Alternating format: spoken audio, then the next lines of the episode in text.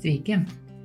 Iš Talentator įrašų studijos šiandien su jumis sveikinuosi aš, žurnalistė Monika Rebelienė ir mano pašnekovė, tarptautinės jaunimo organizacijos Youth to Youth viena iš įkūrėjų Karolina Mazėtytė.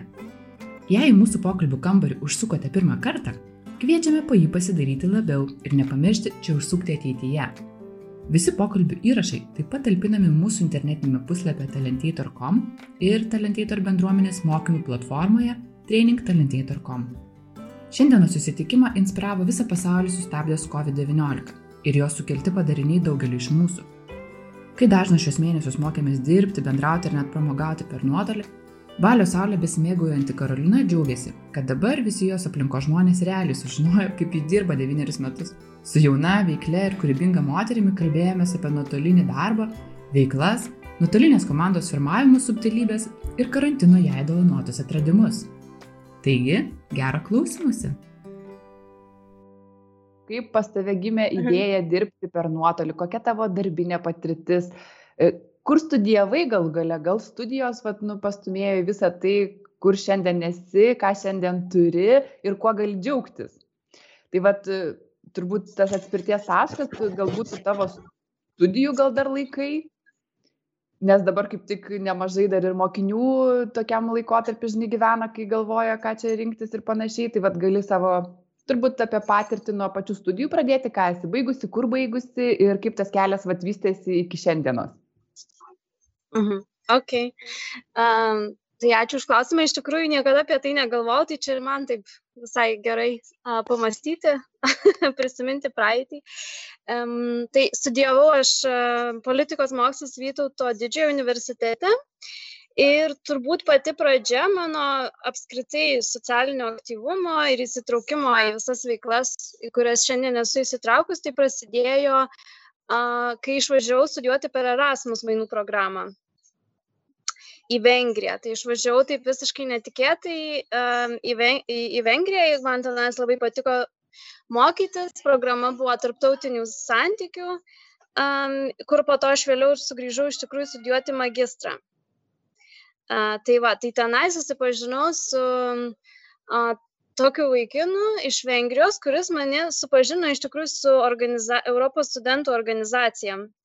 Uh, tai va, per tą organizaciją visas mano aktyvumas ir prasidėjo ir kadangi tos organizacijos nariai paplitę nu, per visą Europą, tai mums komunikuoti reikėjo virtualiai. Jeigu projektus kokius nors norėjom dary, organizuoti ar renginius organizuoti, tai va taip ir prasidėjo iš tikrųjų toks pirmas žingsnis virtualaus pasaulio link.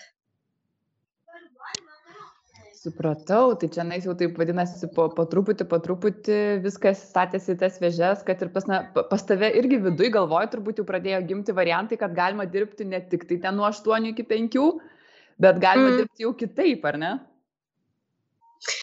Nu, taip, tai turėjo įtakos keletas žmonių, iš tikrųjų.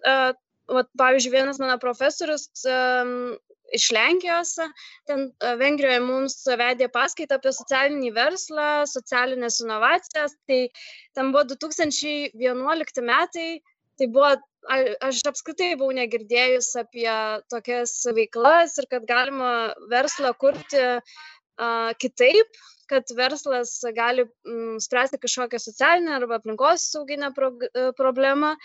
Tai mane tai labai įkvėpė, labai pradėjau domėtis, tai tas, vat, tas mano profesorius ir, ir ta organizacija, kurią aš įsitraukiu kaip tik tuo pačiu metu, par, mano labai atvėrė, nežinau, visą mąstymą, pasaulyje žiūrą ir tada aš pradėjau mąstyti, kad, wow, iš tikrųjų galima kitaip dirbti, kitaip viską daryti, tik tai, kad, nu, Lietuvoje dar tuo metu visiškai buvo tas nauja ir niekas, kiek aš bent jau žinojau, niekas tuo neužsiminėjo. Tai, tai kažkaip tas mano įsitraukimas tiek tarptautiniu lygmeniu, tiek tam virtualiam pasaulyje iš tikrųjų ir tapo būtent Vengrijoje ir toliau bendraujant su įvairiomis šalimis ne tiek daug su Lietuva susijęs mano gyvenimas tuo metu buvo. Bet kažkaip Lietuvoje neteko tokių inovacijų ir, ir pamatyti, tai, tai sėmiausi visų tų žinių ir uh, iš iš užsienio, iš skirtingų valstybių, iš tų žmonių, kuriuos sutikau savo veiklų metu. Mhm. O po, stu, po studijų, ta prasme, tas gyvenimas ir sukosi apie Vengriją, ar tada dar kažkur toliau keliavai, nes, kaip suprantu, su Lietuva tik kars nuo karto santykių turėjai, ar ne? Mm. Um, taip, po Vengrijos aš buvau uh, išvažiavus, um, yra tokia programa ES, uh, vadinasi Europos savanorystės programa. Tai jaunas žmogus gali aplikuoti ir išvažiuoti į užsienį, nu, pasirinkti valstybę, pasirinkti organizaciją, jeigu tave priima, tai tu išvažiuoji kaip savanoris, ta, tu gauni stipendiją iš ES, bet, tai, bet realiai tu dirbi tenais, tik tai, kad dirbi mažiau valandų negu tas uh, darbuotojas kad neišnaudotų vienu žodžiu jaunų žmonių. A, bet tai, tai va, tai aš išvažiavau pagal tą programą į Madridą ir tenais ja, aš dirbau jaunimo centre. Tai va, su įvairiomis jaunimo programomis kal, e, dirbau ispanų kalba ir tai buvo toks sekantis, tarytum, žingsnis pažinti tą pasaulį ir į jaunimo sritį ir nu, tiesiog pažiūrėti, kaip toj Ispanijoje žmonės dirba, kokios programos, ko galiu pasimokyti, aš iš jų, ko jie gali pasimokyti iš manęs. Bet tai tenais aš prabuvau devynis mėnesius, bet po to vis dėlto grįžau į Lietuvą.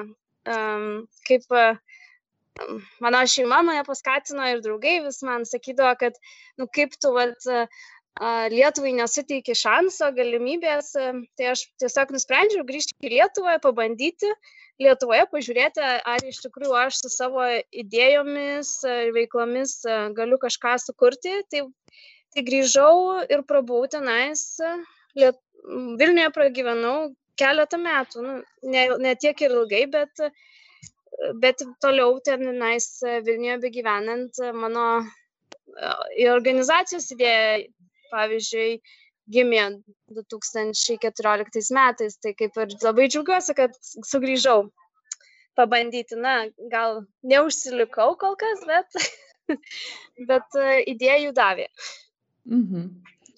Ir po, po Vilniaus, po 2014 metų, kaip toliau vat, viskas, kaip vystėsi, ta prasme, kur toliau patraukiai, sakai, čia gimė, Lietuvoje gimė organizacijos idėja, ar ne? Mhm. Um, išvažiavau aš, um, tai pirmiausia organizacija, um, viena iš mūsų veiklų uh, organizacijos, tai jaunimo, tarptautinių jaunimo konferencijų organi organizavimas. Na, tai čia toks. Čia mes kalbam kaip, dabar apie Youth to Youth. Taip, taip. Hmm. Tai, tai va, tai me, mūsų tą pirmąją konferenciją mes organizavom Lietuvoje, o po to taip susiklostė visos aplinkybės, kad uh, tą pačią vasarą aš išvažiavau gyventi į Švediją, kur penkis metus jau kaip ir pragyvenau. Tai, tai va, tai tar, kadangi mūsų organizacijos visi įkūrėjai ir apskritai visi savanoriai ir komandos nariai gyvena skirtingose pasaulio šalyse, nuo pat pradžios, nuo pat įsikūrimo pradžios, tai, tai mums neliko tiesiog kitos išeities, kaip ieškoti būdų, kaip mes tą organizaciją uh, kuri įkurta Lietuvoje, galime plėtoti per internetą. Kaip tai va tada prasidėjo iš tikrųjų tas didysis mokymasis turbūt virtualaus pasaulio, virtualios komunikacijos, komandos valdymo virtualios ir tarpkultūrinės, nes komanda tikrai buvo iš nuo pat pradžių, nu, iš, de, tarp 9-15 valstybių. O po kai pradėjom organizuoti tą pirmą konferenciją ir pradėjom kurti bendruomenę, tai tada, tada dar didesni iššūkiai prasidėjo ta prasme, kad e, bendruomenė staiga išaugo į, e, į, jaunu, į, į žmonės, kurie gyvena maždaug šimtame dešimt pasaulio valstybių. Tai tada reikėjo ieškoti dar e, stipresnių priemonių ir būdų, kaip tą bendruomenę virtualiai įtraukti ir išlaikyti, kad nebūtų tik tai su vienas organizuotas renginys ir tuo viskas pasibaigtų. Tai vat, um, o išvedė išvažiavau tai tiesiog dėl asmeninių aplinkybių, kur neplanavau niekada važiuoti, taip susiklostė gyvenimas, bet uh, labai džiaugiuosi, kad tenais išvažiavau ir vat, jau penki metai kaip eina. Nežinau, ar aš tenais pasiliksiu, bet, uh, bet daug davė man gyvenimas Švedijoje o pati organizacija pas tos ne tos virtualios organizacijos statymas vystymas tai ir prasidėjo būtent nuo tų du du du tūkstančiai keturioliktų metų Taip, taip. Ne, mhm. mes tiesiog su, susibūrėm kaip komanda, iš pradžių neplanavom organizacijos steigti, bet kadangi mes tie pirmieji kuriejai, tai apskritai mes buvom aš iš Lietuvos, vienas vaikinas iš Pakistano, mergina iš Lenkijos ir mano dabartinė ir vienintelė e, bendrai kurieja iš, iš Baltarusijos. Tai mums e, tiesiog nu nebuvo jokios kitos išeities kaip tiktai dirbti virtualioje erdvėje erdvėje ir žiūrėti kaip nu mes galim organizuoti renginį lietuvoje bet tas laikas, ta prasme, viskas visiškai nauja, vis, viskas nepatirta, iš kur sėmėtės įkvėpimo, iš kur, ta prasme, tos mintis. Galų galia reikia tokių paprasčiausių dalykų, kad e, programų, kurios palaikytų gausų žmonių būri, tada susikontaktuoti viską, vėl susidėlioti mintise, kaip vienam kitą motivuoti per nuotolį, kai esi pripratęs bendrauti su žmogum, akis į akį. Čia mm. tokių, ta prasme, net ir techniniai, ir psichologiniai dalykai susideda. Ir, prasme, iš kur čia nais to, prasme, čia, kaip sako, iš kur pas mergaitė tiek drąsos? um, geras klausimas, ačiū. Um, buvo labai didelė motivacija, labai didelis susidėgymas. Nu, aistra tiesiog buvo didelė. Nu, tai tuo ir gyvenau. Um, iš esmės, nu, taip ta pačia organizacinė prasme, tai tas laikotarpis buvo man labai sunkus. Uh, nes aš dirbau turbūt 14 valandų per parą, kas nebuvo labai sveika, bet tai, um, nežinau, žinių sėmėmės iš, um, iš žmonių, kurie, žmonių ir organizacijų, kurios jau buvo pradėję dirbti toje virtualioje erdvėje. Tai mano atžvilgiu aš daug labai išmokau iš tos Europos studentų asociacijos, kur mes jau pradėjom uh, naudoti įvairias virtualias priemonės. Dabar atrodo labai, labai normalu, kaip Google dokumentai, Skype'as. Tuomet tai nebuvo labai kažkas išsiplėtoja, bet ta, iš tikrųjų tai iš tos organizacijos daug išmokau, o šiaip um, tiesiog klausinėjom žmonių iš savo tinklo, kurie naudojasi te, tokiamis technologijomis įvairiomis, bandėm, bandėm, turbūt esam išbandę viską, nu, įvairias priemonės. Ir tai aišku buvo labai daug ir nu, klaidų, kurias pridarėm ir, kaip čia lietuviškai, Um, ir suklupę buvom daug kartų ir atrodė, kad nu, jau viskas, jau žlugs viskas ir nieko čia mums nepavyks, bet kažkaip nu, vis, visi buvom beprotiškai užsidegę, gal dėl to, kad labai jauni buvom, nežinau, bet uh, bendrai paėmus, um, kas motivavo, tai tiesiog tas, ta vizija ir, ir tas jausmas, kad nu, kažką galim duoti pasauliui o kaip toliau ta prasme čia buvo toks jaunatviškas idėjinis renginys organizacijos subūrimas o tada toliau darbinė patirtis na ta prasme kai tu pajunti kad tu gali dirbti per nuotolį kad tavęs gali nevaržyti mhm. darbo valandos e, kaip toliau viskas dėliojosi tavo pačios mintyse, ta prasme, koks atėjo, aš įsivaizduoju, tada nu, perversmas turėjo vykti daugelį dalykų, ar ne? Nes vis dėlto turbūt augai irgi su senoviškai mąstančiais tėvais, kurie įsivaizdavo, kad dirbti gali nuo 8 iki 5 ir staiga dabar čia nais e, turi persiorientuoti visiškai kitaip, suprasti, kad galima daryti visiškai kitokius dalykus ir galima gyventi savo pakankamai mhm. laisvai, neturėti ofiso, neturėti nuolatinės darbo vietos ir tavo darbo vieta gali tapti visas pasaulis. Mhm. Na taip, perversmas buvo didelis. Man turbūt labai pasisekė apskritai, kai, žiū, kai pažiūriu atgal, tai manau, kad man labai sekėsi. Gal, ties, gal teisinga linkme ėjau ir dėl to atrodo visas pasaulis mane palaikė ir visa visata atrodo net paremė. Bet kaip tik, kai tą momentą, kai aš, tuo momentu, kai aš persikraušiau į Švediją, man pasiūlė darbą World Peace Initiative Foundation, kuri yra įkurta Tailandė ir pasiūlė darbą nuotoliniu būdu. Tai realiai a, tiks, vos ne tik suorganizavus tą pirmą mūsų renginį, būtent dėl jo e, e, įgautos patirties, organizacinės ir e, komandos valdymo ir, ir panašiai, gavau savo tokį pirmąjį gal svajonių darbą.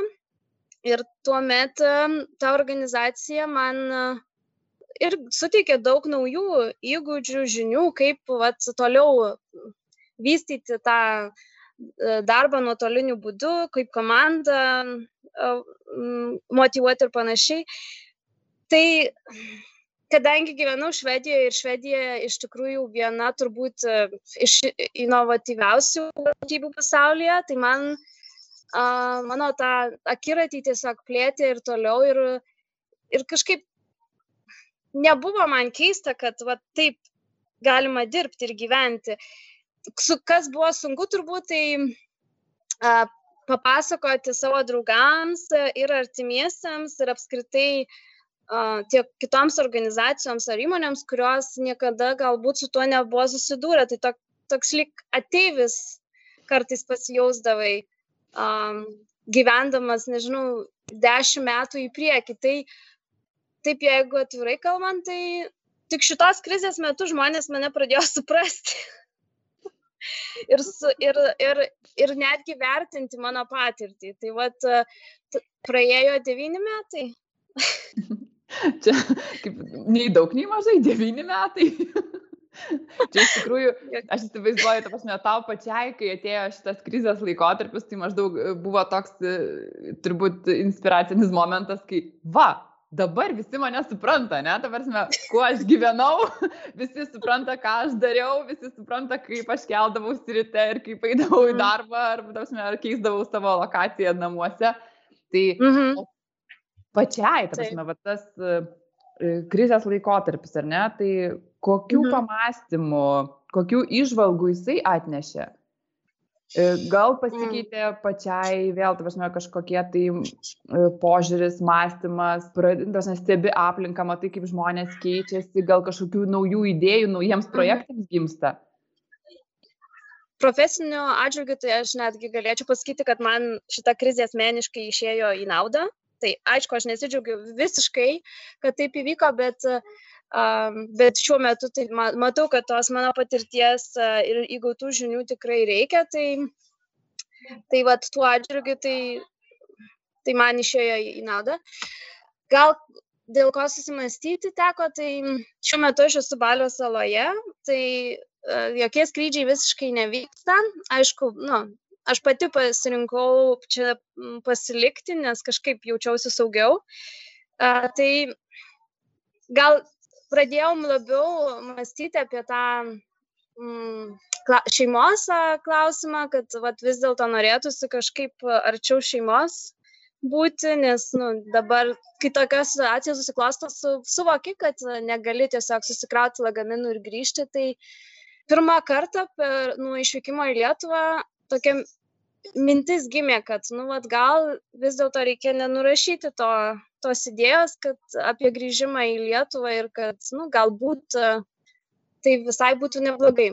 Nes anksčiau aš apie tai nemastydavau, atrodydavo tiesiog susikrauni lagaminus, uh, nusiperki lėktuvo bilietą ir skrendi.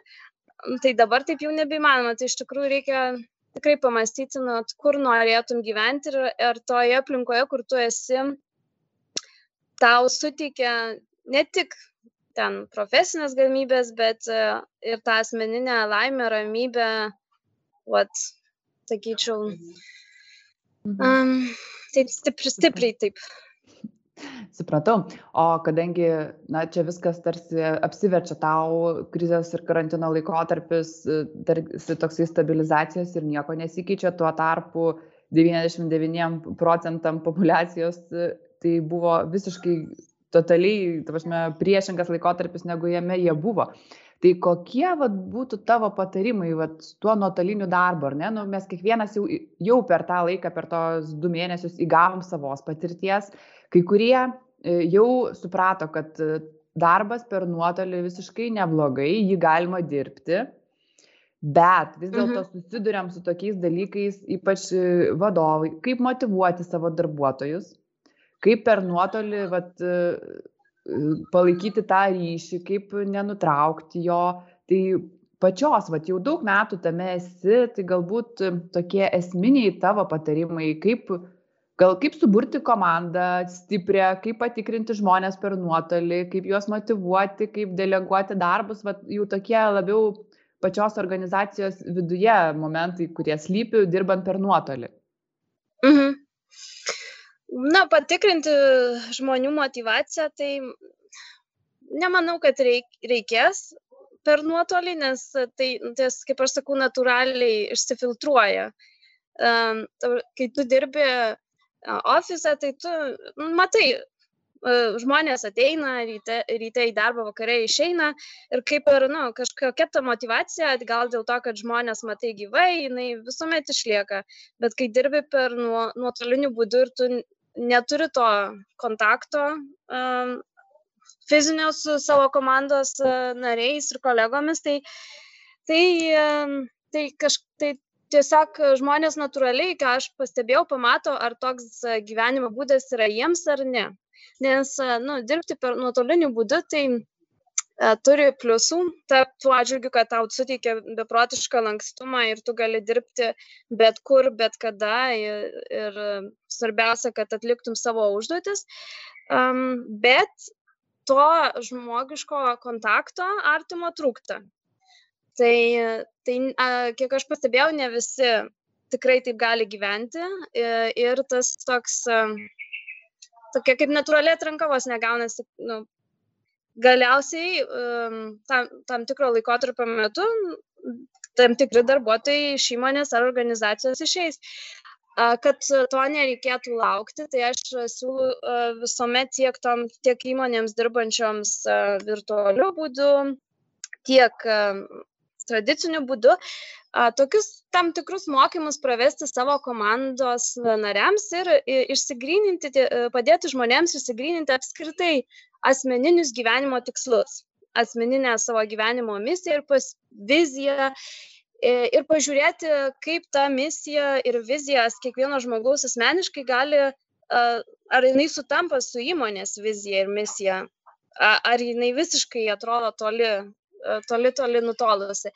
Tai, tai tas labai padeda iš tikrųjų komandos formavimo, komandos motivavimo atžvilgių, nes dėl kelių dalykų. Tai pirmiausia dėl to, kad natūraliai žmonės, kurie pamatys, jog jie dirba toje įmonėje, kuri, vis, kuri visiškai nutolusi nuo jų gyvenimo tikslo, išeis, e, turbūt didžioji dalis paliks įmonę, turiu omeny ne didžioji dalis darbuotojų, bet didžioji dalis žmonių, kurie nu, suvoks tą. A, tai tas į naudą išeis tiek įmoniai, tiek, tiek tiems darbuotojams išėjusiems, nes pa, reiškia, pasiliks įmonė, organizacija tik tie žmonės, kurie iš tikrųjų yra motivuoti, kurie suvokia, kad, wow, šita įmonė, organizacija mums padeda savo gyvenimo misiją įgyvendinti, tai ta motivacija žmonių išauks trigubai. Tai šitas turbūt mano būtų pirmasis patarimas tiek bet kokiai įmonė ir organizacijai. O virtuali, darbo virtualioje erdvėje ir komandos motivavimo, tai realiai manau, kad tie patarimai yra tokie patys, kur, kur nežinau, bet kuri įmonė tą turėtų, mano manimu, daryti, tai suteikti erdvės žmonėms pasisakyti, kaip jiems sekasi asmeniniam gyvenime, su kokiais iššūkiais jie susiduria, koks buvo pats geriausias dalykas, kuris jiems įvyko gyvenime per praėjusią savaitę, kuo jie norėtų pasidžiaugti su savo um, komandos nariais, darbuot, kolegomis ir panašiai tai gal daugiau reikia tokio iš vadovų kaip coacherio lyg ir uh, vaidmens, uh, tiesiog paskatinti tą komunikaciją ir aišku, komunikacija jinai kur kas stipriau turėtų vykti. Uh, o dėl pačių programų, tai reikia irgi išsigryninti, kurią tą techninę programą naudoti, per kurią programą mes darysim, pavyzdžiui, vaizdo konferencijas, per kurią programą mes uh, ten komunikuosim, per, per kurią programą mes ten, nu, nežinau, iš visus uždavinius rašysim ir, nu, kaip ir seksim savo progresą, tai, um, tai va, tai reikia tas iš pus, techninės pusės iš tikrųjų pasirinkti įmoniai turbūt labiausiai tinkančią programą, nes nu, ne visos tos technologinės programos tinka visoms įmonėms. O kas susijęs su, pavyzdžiui, virtualių susirinkimų organizavimu, tai, tai juos reikia, reikėtų paplanuoti vis dėlto ne taip, kad tradiciškai, kad vat, ateini, pavyzdžiui, į ofisą ir turi kažkokią prezentaciją, kuri trunka valandą laiko, tai tas virtualiai erdvėje tikrai neveiks, nes žmonės negali išlaikyti taip ilgai koncentracijos per internetą. Tai maksimum 15 minučių prezentacijos, daugiau interaktyvaus būdžio, pobūdžio, ten renginiai, virtualūs susibūrimai. Ir aišku, reikia pagalvoti, kaip juos paįvairinti ir, ir kaip juos tokius linksmesnius padaryti. Tai įtraukti kokią meditaciją 50 minučių ar trumpą fizinį pratimą. Um, pa, pačioje susitikimo pradžioje paklausti žmonių galbūt, na, kokia kaip tu šiandien jautiesi, vat, pavyzdžiui, jeigu pagalvotum apie orą ir palygintum savo a, nuotaiką su oru. Kokia tavo nuotaika šiandien būtų? Saulėta, debesuota ar panašiai. Tai tokių įvairesnių, tiesiog įdomesnių būdų paieškoti, kaip vat, paįvairinti tuos pokalbius ir darbą per internetą. Tai čia gal tokios pirminės mintis, kurios ateina. Mhm. O e, šiandien, vat, e, kiekvieną dieną e, tavo, į tavo komandą iš kelių šalių jungiasi žmonės ir, ta prasme, kokių tautybių galbūt taip?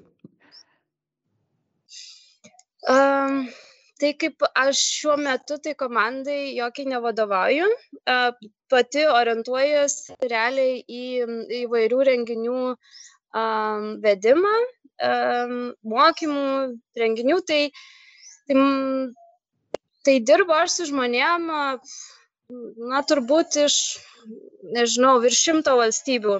Tai mano tas darbo pobūdis e, skiriasi gal šiek tiek negu buvo anksčiau. Tai, vat, pavyzdžiui, neseniai me, uh, uh, buvau vien, viena, vedžiau mokymus, vieno tokio, turbūt buvo, nu, bent jau aš nesu mačius daugiau, pirmas virtualus uh, renginys, kuris subūrė tuo pačiu metu 130 žmonių iš daugiau negu 50 valstybių. Tai buvo dviejų dienų renginys um, aktyvistų, kurie sprendžia va, tą uh, šitą bando spręsti tiek socialinės, tiek ekonominės, tiek sveikatos pasiekmes sukeltas šitos pandemijos.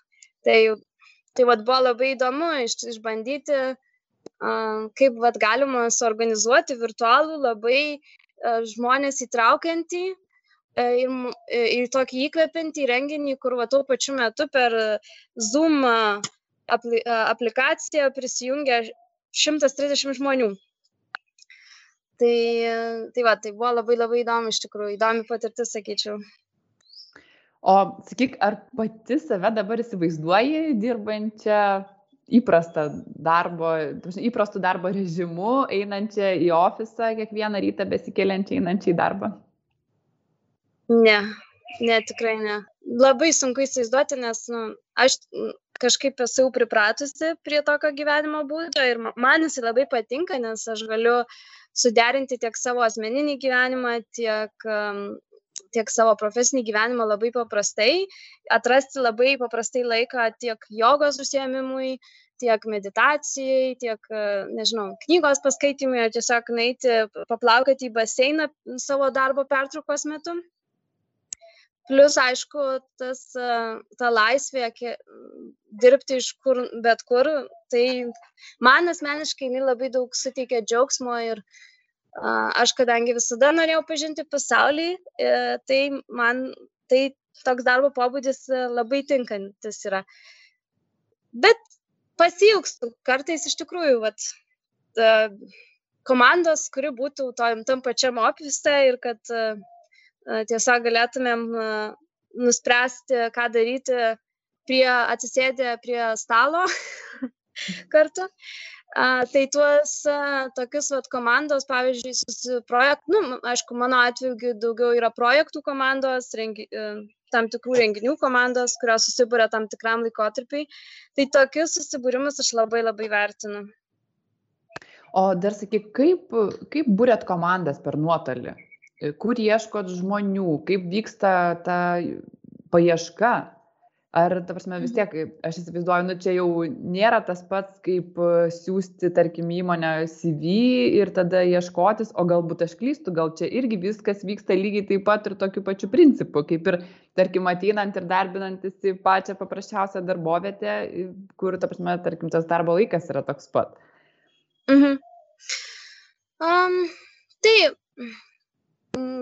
mes kaip ir naudojam tuos pačius socialinius tinklus, kur kaip ir kaip turbūt ir visos e, įmonės šiuo metu e, skelbia atranką per Facebooką, e, LinkedIn. Mm, čia turbūt tos pagrindinės socialinės platformos, kurias naudojam.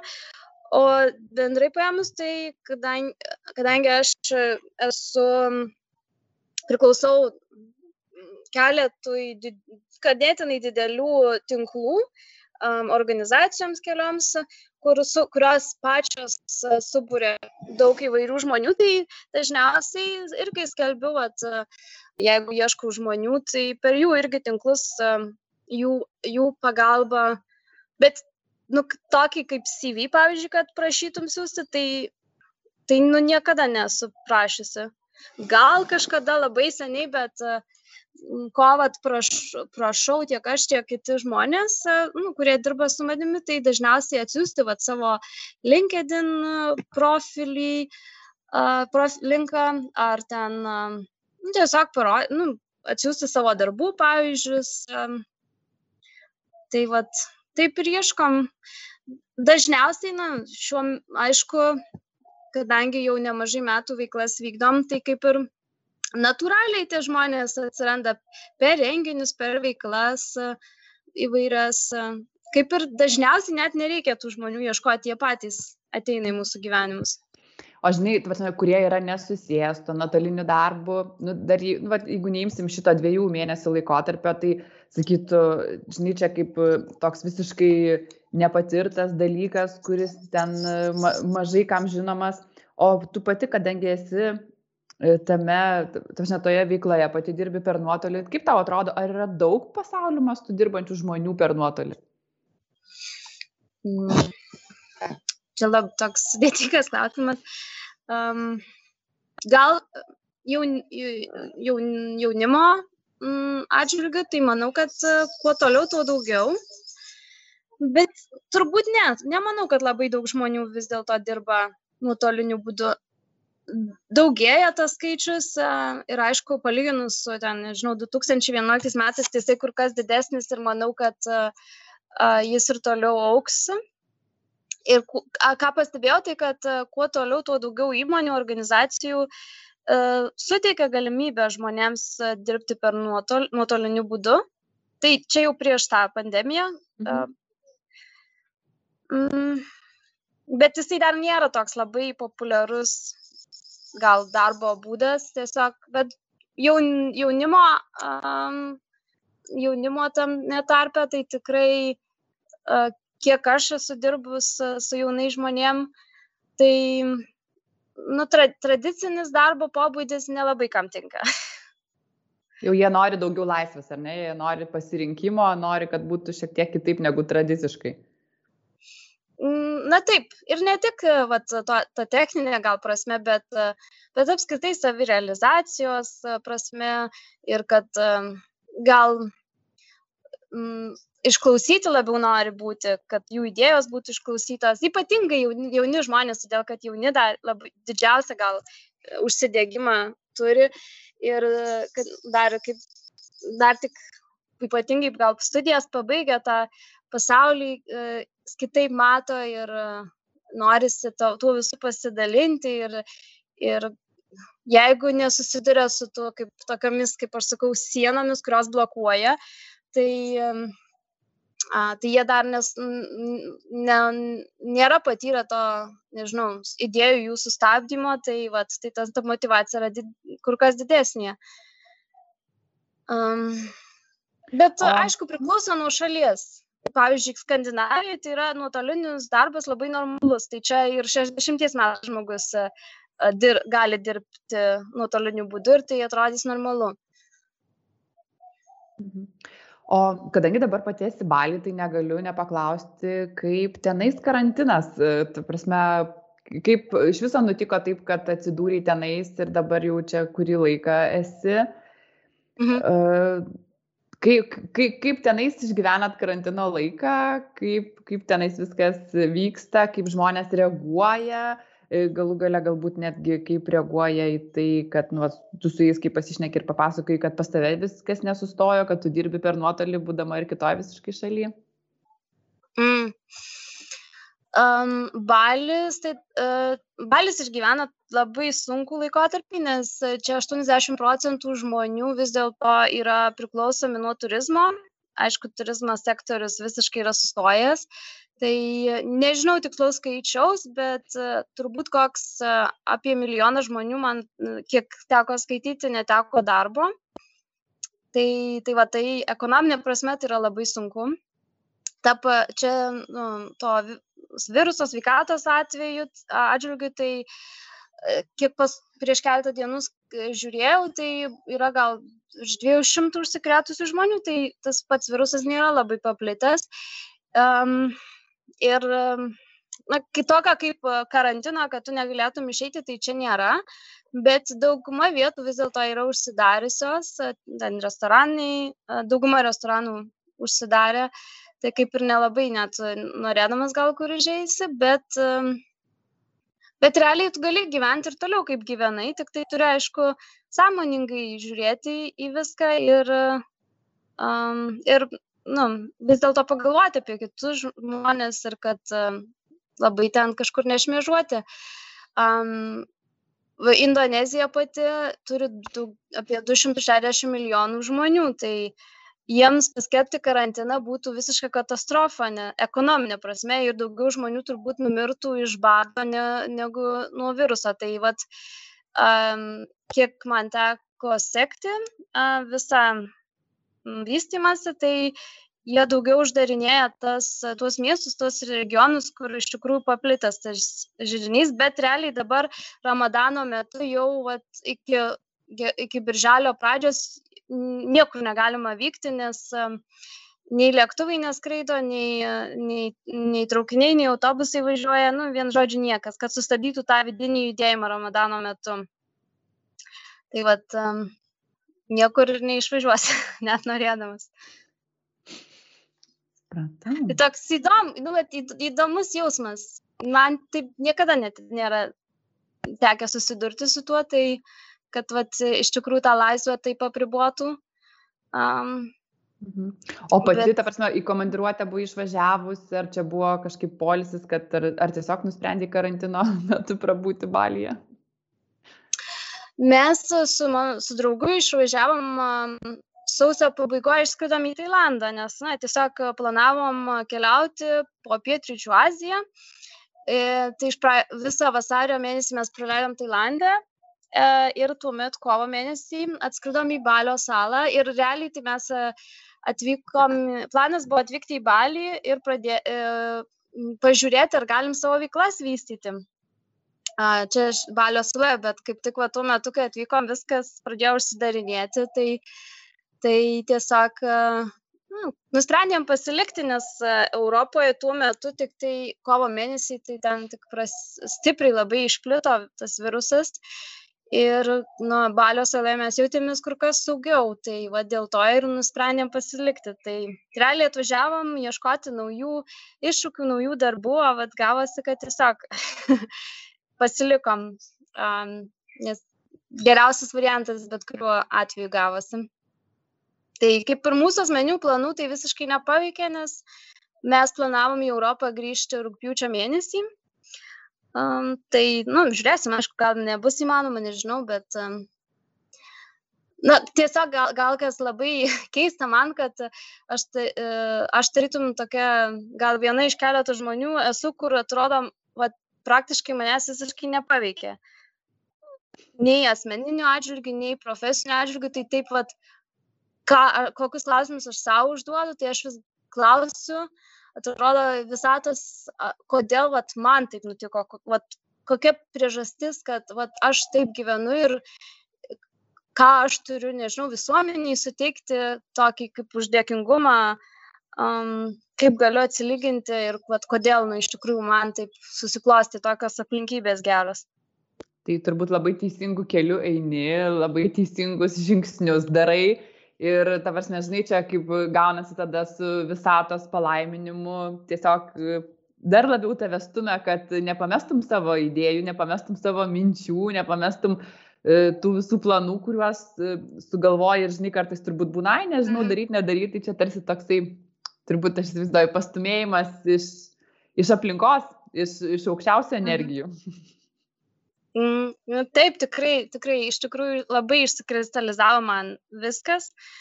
Um, gal kiek prieš tą pandemiją turėjau tokių klausimų ir abejonių, dviejonių dėl savo mm, darbo sričių, tai, tai dabar tikrai atrodo, kad pagaliau po labai daug metų viskas taip susidėlioja į savas vietas ir viskas kaip ir aišku, kokia man linkme reikia eiti ir kokius darbus daryti, kokiose srityse dirbti. Tai tikrai um, turbūt visos tos meditacijos, kaip aš sakau, jogos ir apskritai dvasinė, dvasinis pasaulis ir darbas su savimi šitiek metų pagaliau parodė, kad tai yra tikrai vertinga ir kiekvienas turbūt žmogus turėtų kažkiek bent jau laiko tam savo skirti. Taip, turbūt to ypač dabar šituo laikotarpiu, kai vis dėlto e, perinam nuo visiškai materialių dalykų prie labiau dvasinių, tai čia irgi, irgi labai į temą ir turbūt labai į, kaip čia, į tavo kelią. Na taip, iš tikrųjų džiugu, kad žmonės pradėjo labiau mąstyti apie dvasinius dalykus ir apie, apie save ir savo vidinės ramybės palaikymą. Tikrai taip. Na kągi, mano klausimai tau baigėsi. Daugmaž susižinojau viską, ką norėjau susižinoti. Gal dar pati nebent turi kažkokių tai patarimų, kuriais norėtum pasidalinti e, apie darbą, apie nuotolinį darbą su kitais žmonėmis. Mhm. Mm, turbūt uh gal vien tas vienintelis didžiausias patarimas, kurį galiu duoti, tai būti atviriems naujoms idėjoms ir bandyti ieškoti būdų, kaip galima in, inovatoriškiau pažiūrėti į, į savo įmonę, organizaciją, um, komandos valdymą ir kad um, vis dėlto, kad turbūt daug kas pamatė šitos krizės metu darbo atžvilgiu, kad uh, investuoti į savo komandos ugdymą tai yra tikrai labai labai svarbu. Ir empatiškos komunikacijos kūrimą, e, išmokti įsiklausyti vieni kitų, ko didžioji dauguma žmonių vis dėlto nemoka padaryti. Ir, ir gal mažiau vienas kitą teisti. Vat darbo, tiek darbo, tiek asmeninė pra, prasme. Um, nes visi žmonės daro klaidų, ir kad iš klaidų, kaip aš sakau, iš klaidų mes galim mokytis ir aš netgi skatinu, kiek turėjęs vadovausi su komandoms, klaidų darimą, ypatingai jaunų žmonių, nes tuomet, kai, kai tu leidi žmonėms suklupti ir, ir viską išbandyti ir neįsikišti kaip vadovas, ne, nebandyti gelbėti iš karto, tai va tuomet ta, ta žmogaus asmenybė iš tikrųjų atsiskleidžia.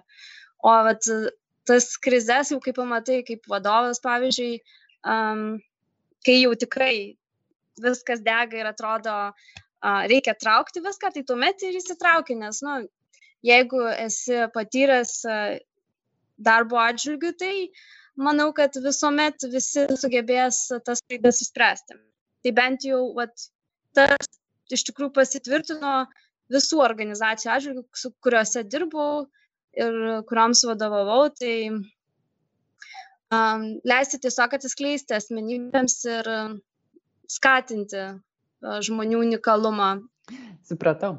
Gerai, tada labai dėkui tau už pokalbį, labai buvo malonu susipažinti ir pasikalbėti, tikrai spūdinga patirtis, labai įdomi ir tikrai bus e, įdomu ir kitiems paklausyti ir man pačiai buvo labai naudinga daug dalykų susižinoti. tai gražios tau dienos ir iki malonaus. Ačiū, ačiū už pakvietimą, tikiuosi, kad buvo naudinga, tai gražios dienos.